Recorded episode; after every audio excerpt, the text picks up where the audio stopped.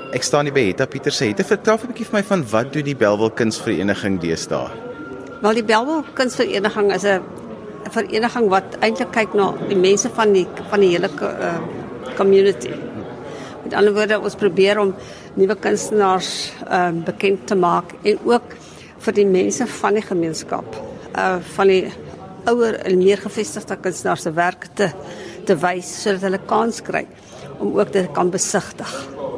Julle het al vir jare 'n paar interessante uitstallings gehad, onder andere Willie Bester en nou hierdie foto-uitstalling. Hoe kies julle julle kunstenaars? Gewoonlik van die kunstenaars eh, doen aansoek om vir 'n uitstalling en dan word dit deur die komitee bespreek.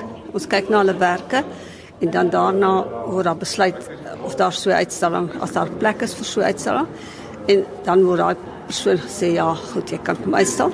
Andersins word as ons 'n spesifieke persoon graag wil nader vir 'n spesifieke rede, soos Willie Bester is 'n baie bekende uh, persoon en dit ons het gevoel dit is lankal tyd dat hier in Belwel, want hy bly in Kersivier, om hier in Belwel vir die gemeenskap toegang tot sy werk te gee, want anders sien hulle dit nooit. My naam is Albert Retief en hulle is hier by Reflections from the Road uh, kunstuitstalling by Art B Gallery in Bellville. Maar vertel vir ons hoekom hierdie spesifieke titel vir die uitstalling?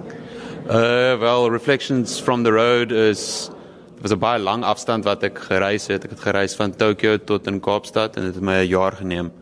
En in hierdie jaar het ek 'n klomp uh goed ervaar op die pad en daarom Reflections from the Road en die mense wat ek ontmoet het en die goed wat ek gesien het is wat ek vanaand hierso uitbeeld in my fotos.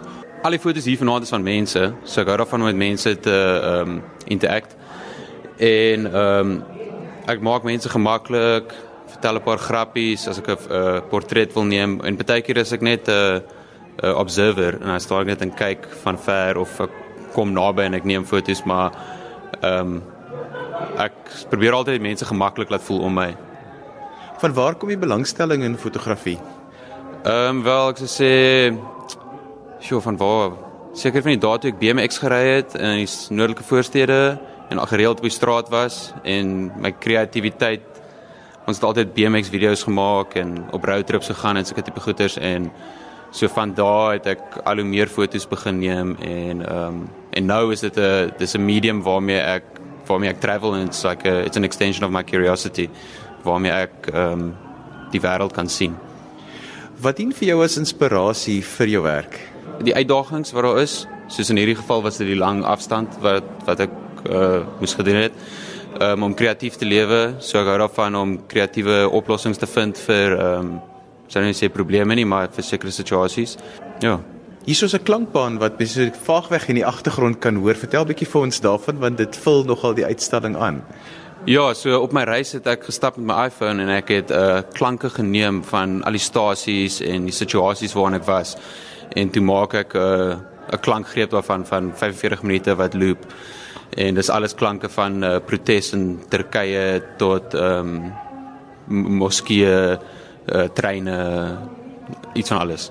Watter van die fotos staan vir jou persoonlik uit? Beskryf dit so 'n bietjie vir ons luisteraars. Wel, hierdie foto hierso geniet ek baie. Dis 'n foto van 'n ou in 'n ou Peugeot in 'n woestyn in Iran en ek het hierdie ouens ontmoet deur ander mense en hulle was hippies wat gebly het in hier in Iran en ek het daar saam met hulle gaan bly vir 4 dae in die woestyn en die ouens lekker ontmoet en lekker foto's daar geneem. Ehm um, die foto van 'n uh, 'n uh, ou man wat uh, bokkies vashou was ook vir my baie nice en dit was in die noorde van Kenia en dit was nogals moeilik geweest om daar te reis daar was baie daar was baie geleenthede wat vir my uitstaan. Ehm um, die ehm um, protes in in Istanbul was my nogals lekker geweest, was lekker rof, lekker adrenalien. Hier's baie foto's wat vir my uitstaan wat my na na in my hart is so. Watter rol speel die fotografiese om te dokumenteer in jou lewe? Wel ek voel op hierdie hierdie reis my uitstalling wat ek nou hier vanaand het is dis 'n uh, amper so half my verantwoordelikheid om te wys vir die mense wat ek geleer het langs die pad en wat ek gesien het. En baie mense bly hier in Suid-Afrika in Kokonne en veral in die noordelike voorstede ook en hulle weet nie regtig wat daar buite aangaan nie. Maar die wêreld is nie nie 'n gevaarlike plek nie, ek kan vir jou dit garandeer. En dit was baie cool goeders om te ervaar en baie nice plekke om te sien en die mense se gasvryheid en is ja, gasvryheid is wonderlik dwars oor die wêreld. Ja, jy hoef nie bang te wees nie.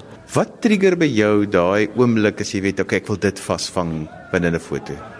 Ek het altyd omtrent altyd 'n kamera op my, maar as ek nie 'n kamera op my het nie, dan sien ek ook geleenthede raak en ek sien hoe mense met mekaar omgang en ek wag vir 'n oomblik as sê maar soos 'n 'n couple stap en dan moet hulle wag vir 'n oomblik wanneer hulle hande vashou en dan neem ek daai foto of ek wag vir 'n oomblik as 'n ou in die lug inkyk of ek uh, like I compose and I wait so ek sal so 'n komposisie vind en dan wag ek vir 'n vir 'n uh, subject om daar in te stap en dan neem ek daai foto. Dit was was so baie geters wat wat vir my uh, trigger met fotos so. Dit is 'n baie interessante uitstalling omdat dit so 'n wye veld dek en hy het so groot so baie reise onderneem het en dit was ook heelwat ook artikels al oor hom geskryf oor hierdie uh, uh, spesifieke uitstalling en al sy werk wat hy gedoen het.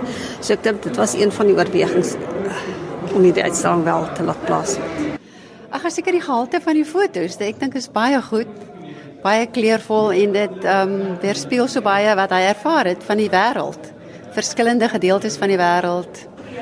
Uh, nee, ek sê ook maar sê dit is uh dit is die visuele kant van 'n uh, van 'n ervaring wat hy ehm um, oor 'n lang oor 'n periode van uh, amper 'n jaar gehad het en ek dink dit is 'n baie goeie ehm um, resultaat van wat hy beleef het uh, visueel. Uh, ek het hom help ophang.